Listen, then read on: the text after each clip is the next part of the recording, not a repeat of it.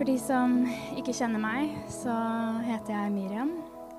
Eh, og som Silja har introdusert, så er vi i dag tre stykker som skal ta utgangspunkt i eh, en bibeltekst. Eh, og vi skal få lov til å dele litt av våre tanker og det vi har kjent på, og det som treffer oss litt i denne teksten med, med dere.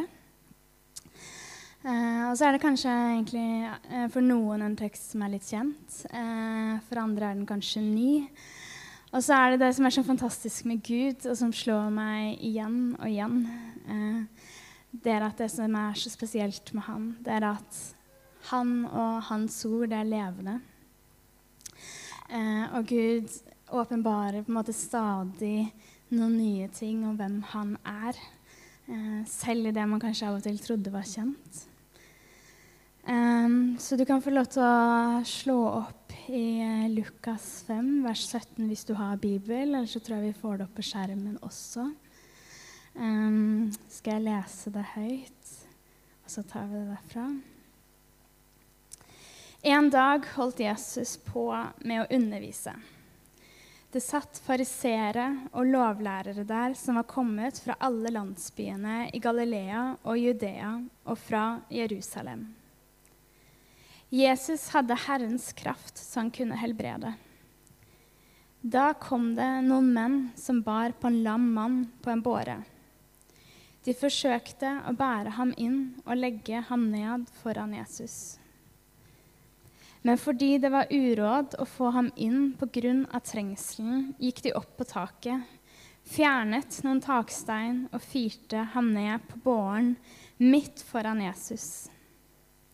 Da Jesus så deres tro, sa han, 'Venn, syndene dine er deg tilgitt.'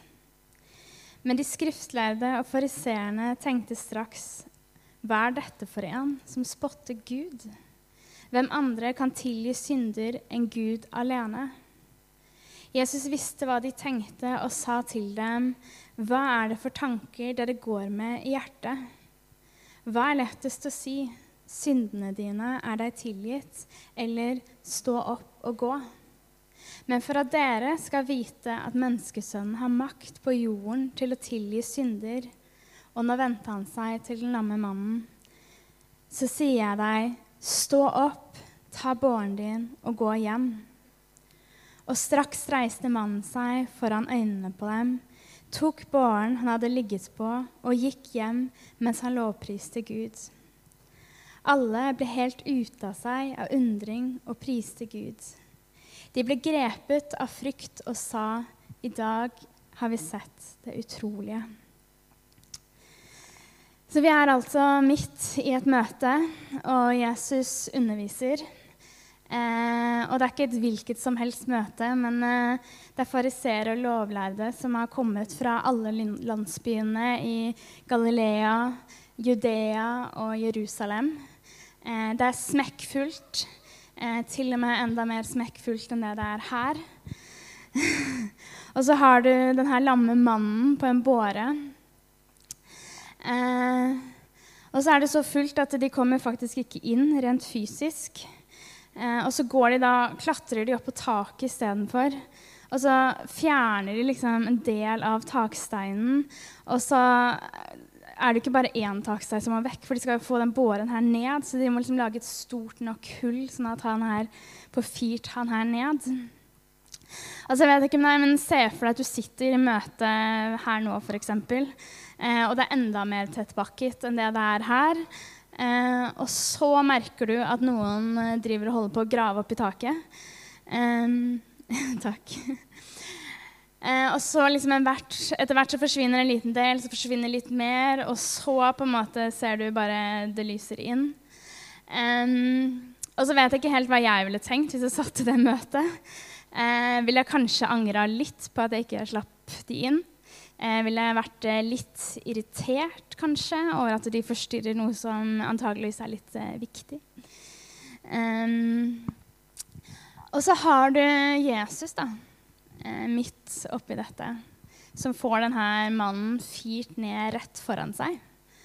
Um, og så vet jeg ikke med deg, men det er jo egentlig ganske åpenbart eh, hva som er problemet her. eh, og hvorfor de har fyrt han ned. Altså, han er jo lam, ligger på en båre. Eh, og hvorfor liksom dette spetakkelet?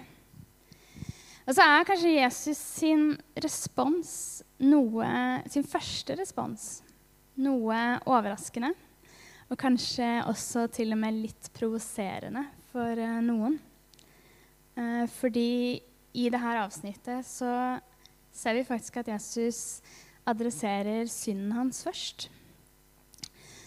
Uh, og så er det flere ting som jeg kanskje burde tatt opp og kunne tatt opp og snakket om rundt det. Og jeg har ikke tid til å liksom gå inn i en lang utleggelse. Um, men denne rekkefølgen er liksom et sånt viktig og interessant poeng i denne fortellingen. Um, og jeg kan si at jeg husker den her Jeg hadde en barnebibel da jeg var liten og husker denne historien ganske godt. egentlig. Jeg husker liksom tegningene av på en måte hull i taket, hvordan de liksom egentlig ganske smooth firer han ned.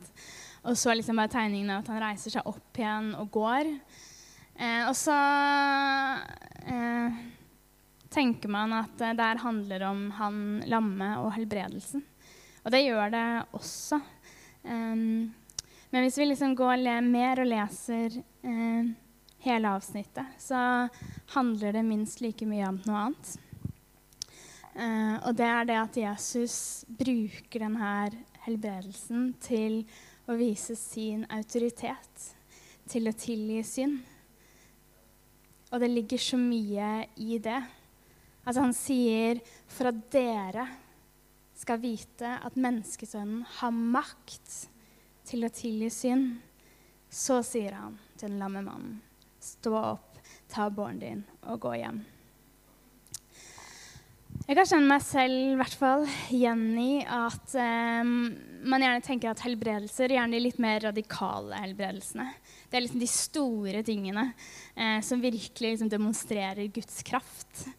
Um, og så leser man, og så er jo egentlig det største miraklet, det mest radikale, det er egentlig back to basis med frelsen, med tilgivelsen.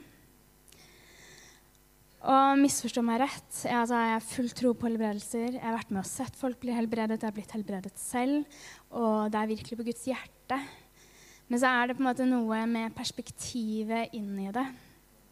Jeg hørte noen si eh, at eh, et mirakel er noe Gud gjør, noe umulig Gud muliggjør. Eh, og det at han har muliggjort at du og jeg kan få komme inn og ha fellesskap med han, eh, og at vi kan få gå fri fra den dommen som vi egentlig fortjente. Og så kan jeg kjenne at i hvert fall for de som er vokst opp i kirken og hørt dette tusen ganger minst, så ligger i hvert fall for min del, så av og til så ligger tilbøyeligheten der til at det blir så vanlig at noe av det litt sånn spesielle ved det nesten av og til kan falle litt bort. Eh, men så kjenner jeg i hvert fall inn i mitt liv at det, en sånn hjertebønn jeg har, det er at på en måte den litt vanlige allmennkunnskapen eh, skal på en måte ikke være bare vanlig allmennkunnskap, men forbli litt sånn heller varm hjerte, hjertekunnskap. Jeg skal liksom gå herfra og hit, og at det skal være levende for meg. Um, ja.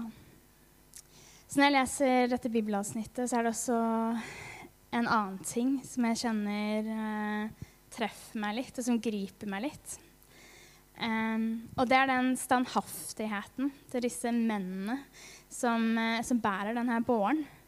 Uh, og det som liksom faktisk er premisset, eller grunnlaget, på en måte nesten for at resten av fortellingen faktisk finner sted. Og jeg kjenner, når vi liksom forberedte oss og snakket om, så kjenner jeg at liksom, det ligger noe i den der målrettetheten og den standhaftigheten i at de bare må få han fram til Jesus. Altså Uansett, og liksom koste hva det koste vil. Det lot seg liksom ikke stoppe at det var smekkfullt og rent umulig å komme inn. Da går de liksom bare opp på taket og graver det opp isteden, på en måte. Uh, ja. Jeg les, bare søkte opp en definisjon av, eller forklaring på standhaftig. og Um, jeg skal sitere at uh, å være standhaftig kan bety å være fast forankret og ikke gjenstand for forandring. Å stå fast i tro og beslutning. Å være urokkelig er på det samme måte å ikke gi etter og ikke la seg bli påvirket eller avledet. Og det er liksom noe som griper meg i hvordan de er så urokkelige i hva som på en måte er målet om å bringe denne mannen framfor Jesus. Så kan man selvfølgelig le av det. Man kan liksom tenke litt logisk. Hvis du er liksom litt mer logisk, sånn, ja, men hvorfor kunne de egentlig ikke bare venta på at uh, Jesus var ferdig, og tatt det liksom etter han og kom ut på vei av møtet? Um, men ja I dette tilfellet så var det på en måte Det var helt sånn konkrete uh, mennesker som var fysisk i veien. Og da snakker jeg liksom ikke bare om det vi liksom på kristenspråk av og til kaller menneskefrykt. Men det var på en måte en sånn fysisk, fysisk hindring, da. Um, og så likevel så lar de ikke det som egentlig var en faktisk fysisk hindring, de lar det ikke være en hindring. Da løfta går de liksom bare opp på taket og løfter av den taksteinen isteden. Og så vet jeg ikke hva som kan være hindringer inn i ditt liv. Um, og jeg skal kanskje ikke oppmuntre deg til å begynne å gå rundt og ødelegge bygninger. Men jeg blir liksom grepet av den der standhaftigheten de viser. Og jeg har lyst til å gi den som en utfordring til alle oss her i dag. Um, at disse personene de har det så helt klart for seg at de må få han fram til Jesus uten å la det som egentlig er en ganske gyldig grunn, eh, være en stopper for hvor de er på vei. Og eh, det er så mange sånne gyldige grunner, eller egentlig gode grunner av og til, for å vente på noe, eller sette noe på pause. Eller liksom Ja, nei, da gikk ikke det. Da, ja, da tar vi det senere. Og så blir det liggende på hylla. Eh, men så tror jeg noe av liksom, denne standhaftigheten eh, kan utfordre oss på en god måte inn i våre liv her i Oslo i 2023. Eh, hvor vi har det så godt, og vi har det ene og det andre å lene oss på. Og det er litt travelt, og plutselig så Nei, så passa det ikke det så godt. Eh, men det er liksom noe med det der klare bildet om hvor de skal, og hvor de er på vei. Um, ja, og med den utfordringen gitt til oss, så skal jeg gi stafettpinnen videre til Fredrik, som skal fortsette å ta oss litt videre inn.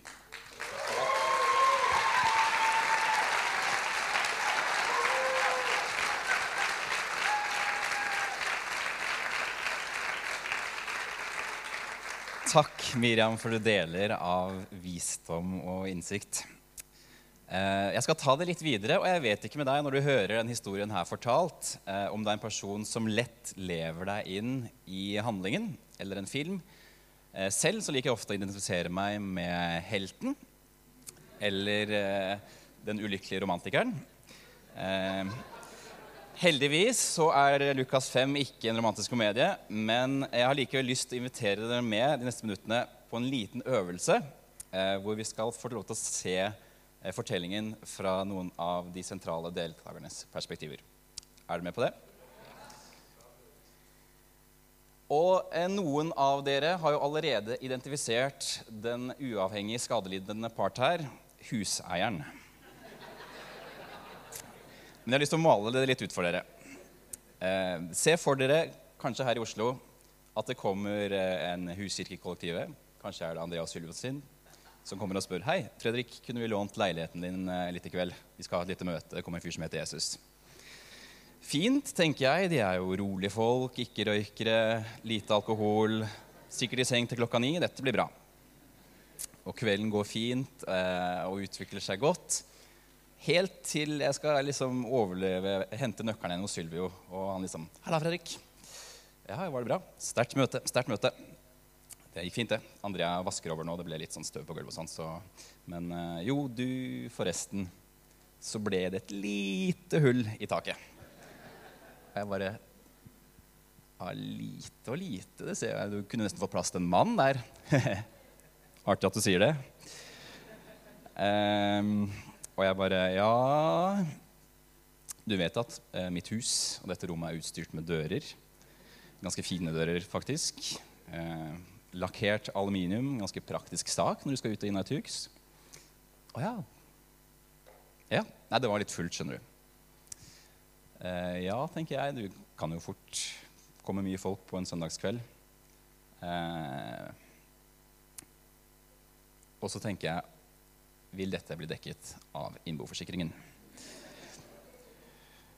Eh, og det interessante, Lukas forteller ikke noe mer hva som skjedde med huset eller huseieren. Men jeg kan lett ha sympati med eh, huseieren som liksom Yay, takk, Jesus, at du helbreda, men var det virkelig nødvendig å ødelegge det taket der?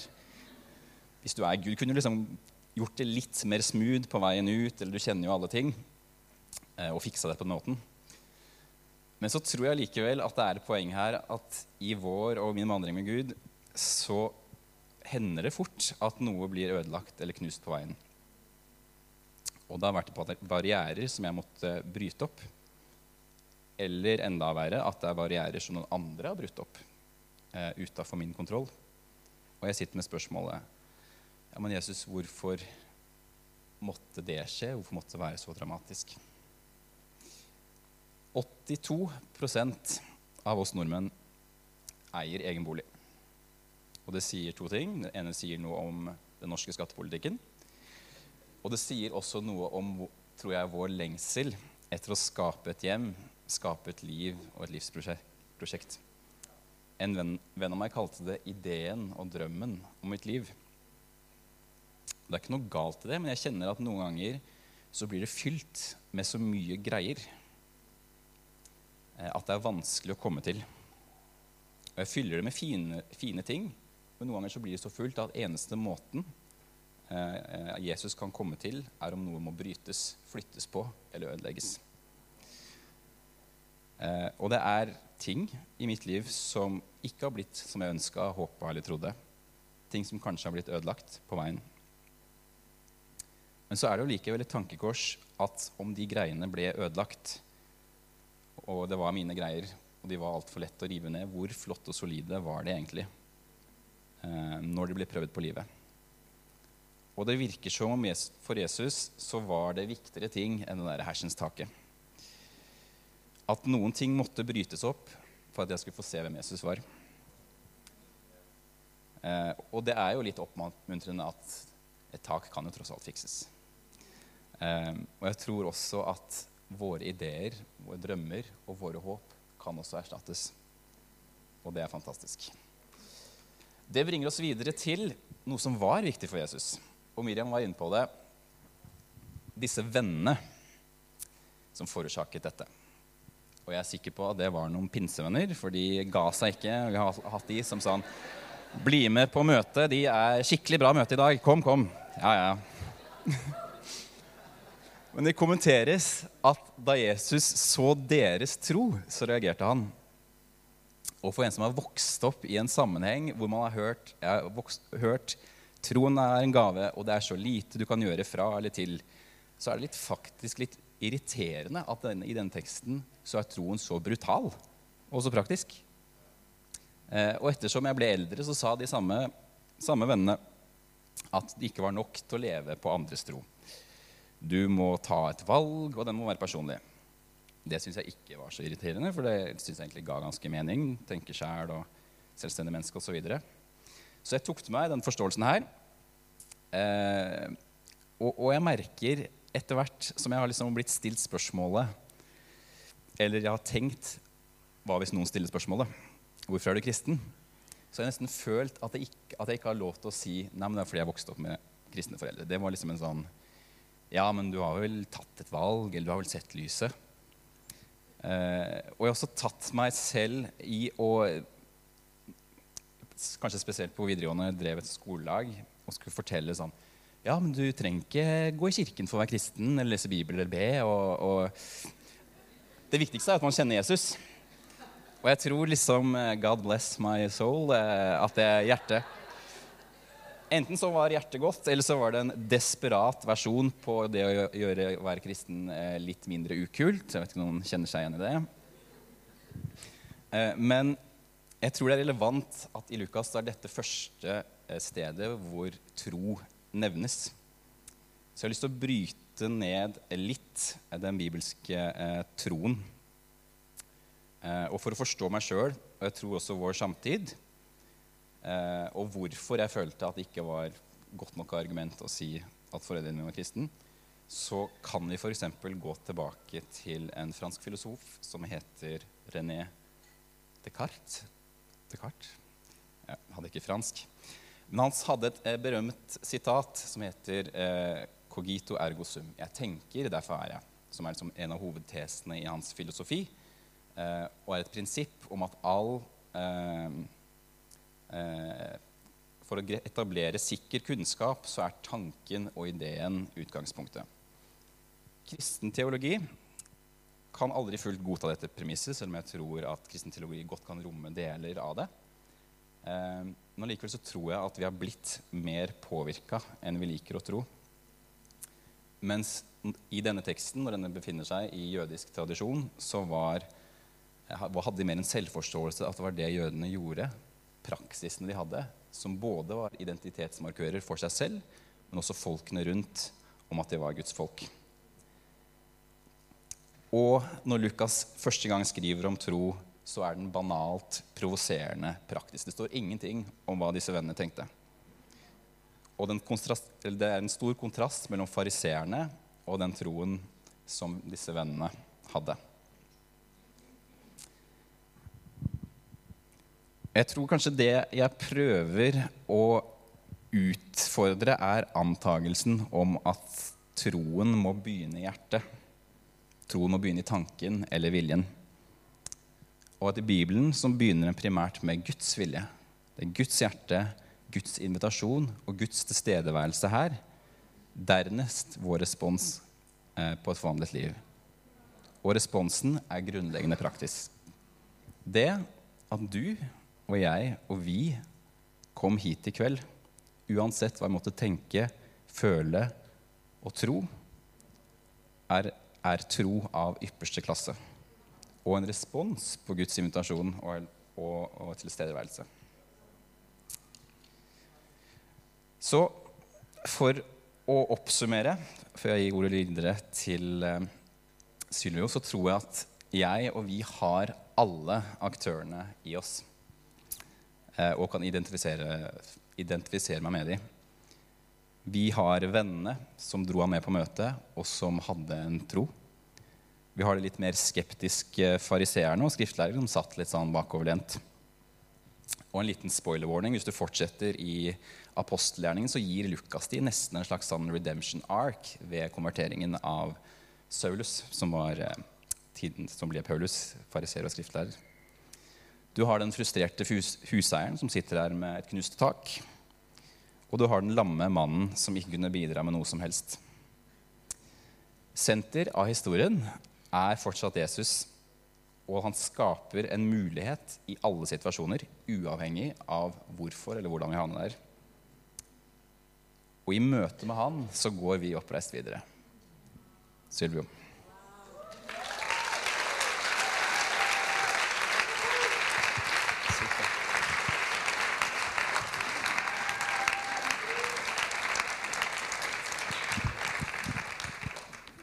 Er ikke Bibelen fantastisk?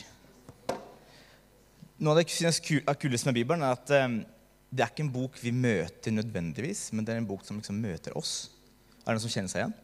Du leser Bibelen, og så plutselig er det som du ser deg sjøl i et speil. Og akkurat der du er, akkurat der du sitter, akkurat den Ok, jeg er pinsevenn, jeg isogerer masse. Akkurat den livsstasjonen du er i akkurat nå, er det nesten sånn at den liksom beskrives av Bibelen akkurat når du leser det. Jeg syns det er helt crazy stort. Og det er på en måte litt sånn eh, det jeg fortsetter med. da. Um, fordi i møte med den teksten her så leser jeg det her og ser et speil, og så ser jeg litt sånn mitt eget liv akkurat der jeg åpner eh, Bibelen, og akkurat det vi skal liksom jobbe med den teksten her. Men for at dere skal forstå det, så trenger jeg å gi litt kontekst. Og det blir sånn vitnesbyrdtid. Og 'Å nei, jeg har det så fælt', og sånt. Så, så ikke, ikke, ikke, gå i den fella. ok? Jeg skal bare fortelle et, et, et, et vitnesbyrd om livet mitt. Jeg er liksom ikke den stakkars lille gutten. Og? Alle har sine ting å deale med. Så, så har vi en deal med at det er bare et vitnesbyrd, og, og, så er det kontekst for noe større. ok? Har vi en deal på det? Greit. Ok, så Greit. Jeg heter Sylvio Alberto Pinto Carvalho jr. Min far heter Sylvio Alberto Pinto Carvalho. Min bestefar het João Alberto da Silva Carvalho. Altså, eh, greit, jeg, jeg, og min far vi har liksom samme navn. da. Vi, vi, liksom, vi, vi har vært sånn sånn. Sylvio og Sylvio. Jeg er litt sånn her yeah, Det var veldig gøy å gjøre. så vi var, liksom, vi, vi, vi var litt sånn veldig tett og veldig nære. Og, og Alt, han har humoren som jeg arva, og vi lever de samme teite ting. og det er veldig veldig mye moro der. da. Eh, men det som skjer, er at jeg flytter til Norge for nesten 20 år siden. 18 år siden, 20 år siden ish. Og så eh, er det sånn at min far han, han er en spesiell type. da. Men eh, akkurat fordi at han er så spesiell, så skjer det at når jeg flytter til Norge, tar imot Jesus og sånt, så er det veldig vanskelig for han å holde kontakt med meg. Eh, så fra jeg kommer til Norge, så tar det ca. åtte år fra jeg hører fra min far igjen. Eh, og det var ganske kjipt, ganske vondt. Og når vi først måte, fikk kontakten igjen, så var det, eh, det, var alt, det var ikke helt det samme. da. Det, og det er jo ikke det ennå. Han, han, har det veldig tøft med at vi er fra hverandre, og, og det er nesten verre å ikke ta kontakt. Men det har liksom pågått i 20 år. da. Så jeg tenkte det her det jeg koll på. Trodde jeg. Men jeg flyttet til Norge, og så flytta jeg med min mor. Meg og mamma, liksom. Vi, sånn, meg og mamma. vi er litt sånn close. da, ikke sant? Vi, meg, og, meg, og, mamma, Ingen andre i familien er i Norge. Det er liksom meg og mamma mot verden. Vi er litt sånn, vi planter menighet sammen. og yeah, Det er faktisk jeg ble, Det er hun som, gjennom hun at jeg møtte Jesus. Hun har disippelgjort meg. Hun er liksom fantastisk dame. Driver menighet her i byen. Kjempe, kjempefin dame.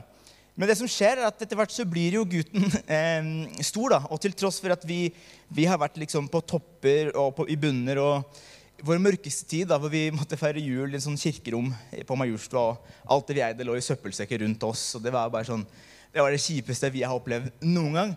Eh, allikevel, selv om vi hadde det båndet, så vokser jeg, og så er vi uenige om en del ting, og det påvirker relasjonen vår. Og i kanskje fem år nå så har, har ikke vår relasjon vært den samme. Eh, det har vært veldig tøft, men ja, jeg finner en kristen psykolog, og jeg ber med folk, og jeg ser at Benedicte Mølla er her. Hvor er du? Der er du. Eh, hjelper hun, og Gjermund hjelper masse. og ikke sant? Går gjennom de prosessene og tenkte ok, nå har jeg kalt på det. Trodde jeg. Uh, og jeg trodde såpass mye at jeg tror at i år, 2023, det var året. Yes, jeg fikk dama. Jeg er gift, folkens. jeg klarte å lure Andrea Storhaug til å liksom ja, Nå Andrea Carvalho, ikke kødd. Uh, klarte å lure henne til å gifte seg med meg. Og liksom, jeg fikk dama og fikk flytta inn til båten hennes. Det var veldig kult. Og jobbmessig igjen. Og har jeg den jobben. Jeg har masse kule oppdrag. Og så er det den der stor kontrast, for plutselig så får jeg fra Lars Kristian Du må høre på den sangen her. Og den sangen heter 'Den uheldige mannen' av eh, Torbjørn Egner. Er som hørte den? Selvfølgelig har dere, jeg, hadde, jeg er utlending, så jeg, jeg, kan jo ikke sånn. Hallo, ikke forvent at jeg kan sånne sanger. Men for, hvis, hvis, det er flere sånne utlendinger i the house, woo, what's up? Eh, noe av sangen er sånn Sangen starter med 'Dette er en vise om en stakkars mann som var så uheldig som det kan gå an'. Syns du denne visa kanskje er litt trist? Kan du trøste deg med at det blir bra til sist. Det er en veldig trist vise. Det er sånn her, Flyet krasjer. Det er helt vilt. Og, og, og, her kommer kontrasten. sånn, 2023, det er året. Woo! Og så får jeg den sangen. Hvorfor det, liksom? Jo, det er fordi at etter sommeren så begynner, begynner Sylvi å være litt sånn som den uheldige mannen. da. Eh, rett etter sommeren så vi, sant, vi flytta inn til båten. Vi skulle gjøre noen sånne småting på båten. Ulykke, krasj. Vårt stabilitet, vårt hjem blir krasja. Vår økonomi eh, blir påvirka. Meg og André liksom ja, Jeg sover ikke på to uker fordi at det, vi var om bord. Det var bare helt sånn Hva skjer? Krise, krise, krise. Og det har vært ganske tøft en god stund. Men etter hvert så tenkte jeg ok, ok, ok, ok, chill, chill, chill. Jeg har vært gjennom kjipe ting. Dette her klarer vi også. Dette har vi koll på. Trodde jeg. Og på toppen av det hele, mine damer og herrer, 4. oktober 2023 så er det på en onsdag, og jeg skal på jobb med en liten Voi. Og så kommer en buss og parkerer litt sånn skeivt, og så ser jeg ikke at trikken kommer. Og jeg blir påkjørt av trikken. I tillegg til alt sammen da, så frontkolliderer jeg med en trikk. Jeg flyr to meter bak. og det dumme er at man får sånn adrenalinrush. sant? Det første året var at jeg kasta meg i sparkesykkelen og kjørte til jobb. for jeg skulle jobbe, ikke sant? Selvfølgelig må jo jobbe. Påkjørt av en trikk og bare sånn Ikke bra. Heldigvis heldigvis trengte ikke undervisere en dag. Jeg har gode kolleger som bare Nei, nei, du skal ikke forelese i dag. Eh, så gikk til legevakt. Og, da, og det var på en måte det var liksom det siste vanndråpa. Dere vet sånn der utfordring med at man skal liksom helle vann i et glass. Og så er det at den siste vanndråpa altså, Skjønner dere hva jeg mener? Altså, du skal liksom, ja, det var den siste vanndråpa. Ja, det, det, det, det ble for mye. Eh, og, og jeg gikk jo i prosess og i prosess og bare Gud, hva er greia? Og, og så ble det prosessen til stillhet. At det etter hvert liksom bare Ja, ja, sånn er det bare. Det er ikke noe poeng i å krangle med Gud om det. Og så ble det en sånn slags apati. Og så, men ikke sant, halleluja, Gud er god, og la oss gå i kirke og sånt. Um, og jeg var helt sånn der, ja, hva skjer her nå? Og så får jeg en tekstmelding av en kompis. Jo, la oss ta en kaffe. Hva er greia med venner og kaffe? Det er alltid noen venn som skal ta en kaffe. sant? og det siste, det siste jeg trengte, var en kaffekopp. Jeg har vondt i kroppen, i sjel. og En kaffe. Han bare, nei, nei, men jeg kan spandere lunsj. Og det var den ene dagen jeg skulle faste. Da Da skulle han spandere lunsj. Så ikke engang den ikke, ikke engang lunsjen der fikk jeg. da. Herlighet. Jeg, jeg faster ikke hele tida, så det er bare sånn der maks uflaks. Herlighet. Eh, men, men vi har den der kaffen, da. Og, og så prater, prater vi litt om livet. Og, ikke sant? Ja, ja, sånn går det? Sånn. Og, så, og så forteller jeg liksom Ja, ikke sant, så krasjer jeg med trikken og sånt. Og så bare sier han Søren, det må være kjipt å ikke ha en mor og en far å ringe til akkurat nå. Ok, greit. All right. Du har mer selv, innsikt i mitt liv enn jeg har. jo. For det er jo sant. sant?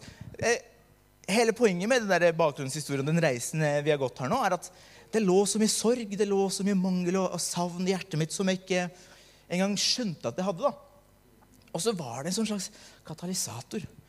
En, en veldig kjip greie som skjer, og så bare Wow, jeg bærer på alt det her, da. Men så er det det som er greia, at forskjellen mellom gode venner da, og veldig gode venner, det er at gode venner prater med deg, men, men veldig gode venner de firer liksom ned til Jesus. da. Sant? De, de, de sånn tar båren opp i taket. Og, ikke og han kompisen min var sånn her, ok, ok, ok, André, jeg skal bort. Du har fire dager alene hjemme. Gå og be. Og vet du hva, Jeg hadde gjort det før. Jeg, jeg har vært sånn prayer water. Så jeg bare, ok, ok, jeg skal be. Jeg skal liksom krangle med Gud nå. Så jeg går liksom inn og bare Jesus! Og skal liksom gråte. Og så klarer jeg ikke å gråte. Ok, og skrike, da. Og så blir det bare dritkleint. sant? Sånn, Alene hjemme og skriker til, til til. Og jeg bare sånn, ok, bare, ah! Og så, så bare ber jeg og søker Gud, og så bare føler jeg ingen connection der. da. Bortsett fra en liten sånn tanke. bare sånn, Du fikk en melding om en brunsj. Si ja til det. Nei, men jeg vil gråte, jeg vil skrike. Nei, bare si ja til den meldinga. Og så bare, ok, sier jeg til en melding om en brunsj. Da jeg ha to karer, to, to venner. Vi går og spiser brunsj, og så skjer det at eh, vi prater masse. Eh, og, og det er sånn to karer da, som, som betyr alt i livet mitt.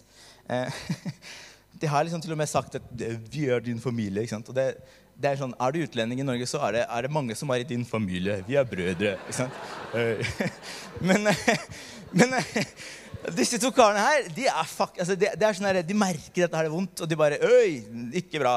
Og så utfordrer de meg, og så bare Ok, greit. det er greit. Dere tuller ikke. Nei, dere er familie. Eh, men, eh, og, og, og de er jo dypt åndelige folk, da. Så når vi sitter og prater sammen, så bare er det en så god prat, da. Men plutselig så bare er det nesten som om Gud bare går og tar over dem. Og så bare begynner samtalen å gå i en sånne retninger. og bare, Vent litt. Så begynner vi å prate om at em, en av de da har egentlig utfordret meg lenge på å skrive en liste over ting jeg trenger. da, Benevner ting, helt konkrete ting jeg trenger. litt sånt. Og det her var en måned siden, to måneder siden, kanskje tre, lenge siden. Og jeg har ikke klart å skrive den lista. Og så sitter vi og prater om det her, og så innser jeg at søren, jeg har vært en mann som har ligget en båre, men som ikke har turt å anerkjenne det. Jeg har hatt masse behov. Jeg Jeg har hatt masse familiegreier, jeg har hatt masse konkrete ting jeg må deale med. Men det er et eller annet med stoltheten da, som ikke vil la oss gå med på det. Bare shit, jeg er det, jeg er ikke så godt, egentlig.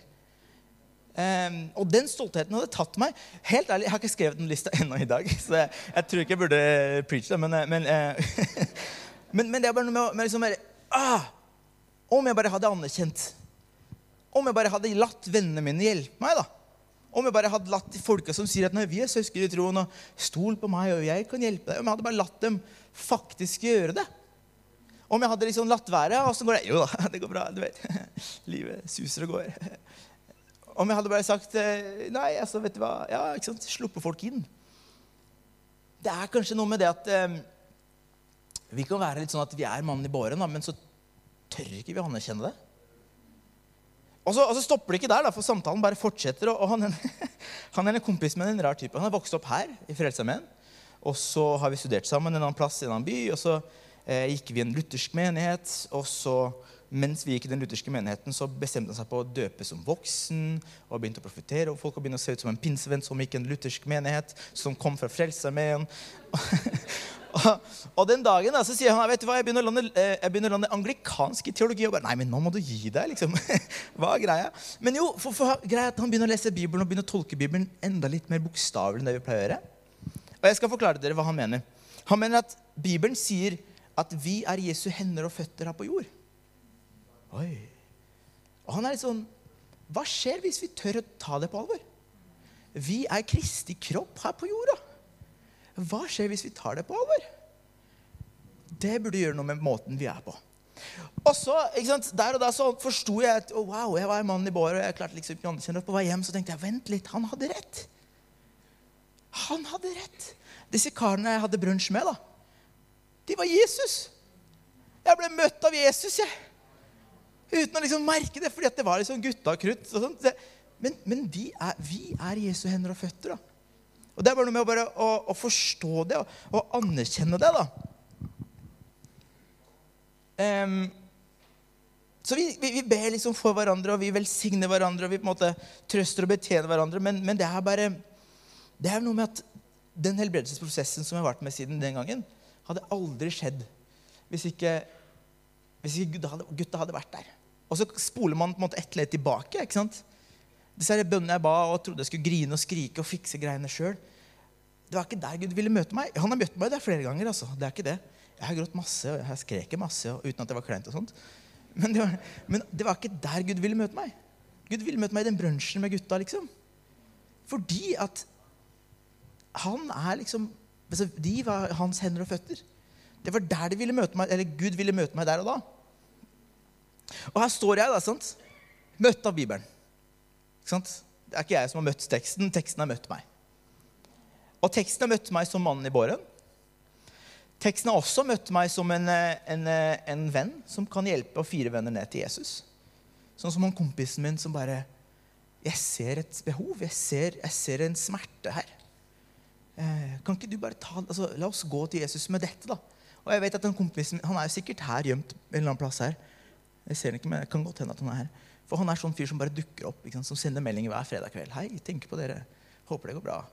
Ja, ber med oss. Ikke bare si skal, 'Kanskje du skal be om dette her', men sånn La oss be sammen om dette her. da. Og ikke bare be litt om det. Sett av tid. Og gå liksom, ta det her med Gud. Altså, fire meg ned og bære meg ned til Jesus. sant? Men også at eh, vet du hva, Jesus kan også virke gjennom meg. Jeg tror at hver eneste en av oss har i oss eh, mannen i båren vi har i oss vennene rundt han mannen. Og vi, vi, er Jesu hender og føtter. Det var ikke bare de to karene, for Bibelen ble ikke skrevet for dem. Bibelen ble skrevet for oss alle. Og Bibelen sier at vi er Guds, Jesu kropp på jord. Fylt av Den hellige ånd. sant? Så det er, vi er alle disse tre. I perioder mer den ene enn den andre. Men helt utrolig hvor, hvor mye Jesus, mannen på båren, kan være. Hvis det gir mening. Av og til så er vi dypt nede, altså. Langt, langt nede. Søren, jeg ble påkjørt av en trikk. Hvor sjukt er ikke det? Men fortsatt da så kjente jeg at Gud virka gjennom meg. Og jeg bare spør, Er det lov? Er det mulig? Hva er greia? Men det er fordi alt det der, der henger sammen. Så Gud, Gud er ikke begrensa altså, Hvem er vi til å tro at Gud, skaperen av alt, er begrensa av vår livssituasjon i dag? Ja, jeg søker etter jobb, så jeg kan ikke be for deg. Sorry. vi kan være langt nede. Og da trenger vi hjelp. Men også da kan vi være Jesus. Fortsatt der kan, fortsatt der kan vi være disse vennene som, som firer ned. Og det er litt sånn det jeg har lyst til å utfordre oss på. da. Sant? Eh, Miriam startet om snakket om det stat, eh, stand, stand, eh, Det ordet der. om å liksom ikke, ikke gi opp. Liksom, og bare Det er fullt. Øh, men jeg gjør det likevel. Det gjør så vondt å anerkjenne at Kan du hjelpe meg med dette? Ja, men la oss gjøre det likevel. Sant? Um, det er litt sånn her um, Lovsangstimen kan komme opp og det kommer sånn, Jeg er for vant med sånne pinsepianer. det er ikke derfor jeg lover. Eller er det det? Nei, men Sorry. Men spør, spørsmål Altså, det er Å ikke gi opp. Å ikke liksom gi etter. Herlighet, det bildet som Fredrik maler. Da, ikke sant? En ting jeg tenker litt på at Han mannen blir firt litt sånn ned. Og så fortsetter Jesus å forkynne. Og alle folk bare 'Jesus' Det er en mann som Poenget er at Jesus hadde jo også holdt oss på med sin greie. Uavhengig av hva som skjedde rundt. Utfordringen i dag, da, og etter hvert så skal forbedrerne komme og være på den sida av rommet Det jeg har lyst til å utfordre oss på i dag, er å bare ta det her på alvor. Både det at vi er kalt til å leve ærlige liv. altså Det står at våre liv er som åpne brev. Åpne brev det er ikke noe sånn hemmelige greier. Og, og, og ja Konteksten i, der det står, er litt annerledes. Men kan vi være åpne brev til hverandre? Det er veldig mange her etter hvert som går i huskirker. da, Med folk som ønsker å bygge livet sammen, som, som ønsker å bygge kirka sammen. Og gjett hvem har kirka, dere? Det er oss. Hvor mange er som har lyst til å bygge kirke? Opp med hånd. Yeah. Vet du hva dere sier? At vi har lyst til å bygge hverandre. Yes! Sant? Og da trenger vi å være ærlige med hverandre. Da trenger vi å kunne anerkjenne at wow, jeg trenger dette her nå. Wow, mamma er syk, så liksom, kan du bare be for hun? Eller jeg er syk, gidder du å kjøre meg til kirka i dag? Ikke sant? Jeg, jeg, var ikke bare fysisk dårlig heller. Jeg hadde en sånn krangel med Gud. Så jeg vet at folk, venner rundt meg, har bedt for meg og båret meg åndelig. Det kan vi også gjøre for hverandre. Ah, nå er det veldig tøft. Klarer liksom ikke helt å Livet mitt med Gud er litt treigt akkurat nå. Kan du bære meg? Han Trygve Skaug har en sånn derre hvem har sagt En sånn hyggelig sang. Og Poenget er at eh, jeg kan bære deg, men så skal du Eller du kan bære meg nå, og så skal jeg bære deg etterpå. Eller noen i den døren Han er god med ord. og det er sånt det er, da. Det er sånt det er å leve ekte, ærlig liv i fellesskap. At vi bærer hverandre. Og når vi bærer hverandre, så er det heller ikke fordi at vi er bare de beste i verden. For igjen, strengt tatt så har vi alle sammen folk som ligger i bårer. Men det er fordi at selv om vi ligger i bårer, så er vi Jesu hender og Jesu føtter. da. Og gjennom hans kraft så kan vi bygge hverandre opp. Vi kan løfte hverandre opp. Amen. Amen. Du har hørt en podkast fra Imekirken Kollektivet. Følg oss gjerne i sosiale medier for inspirasjon i hverdagen.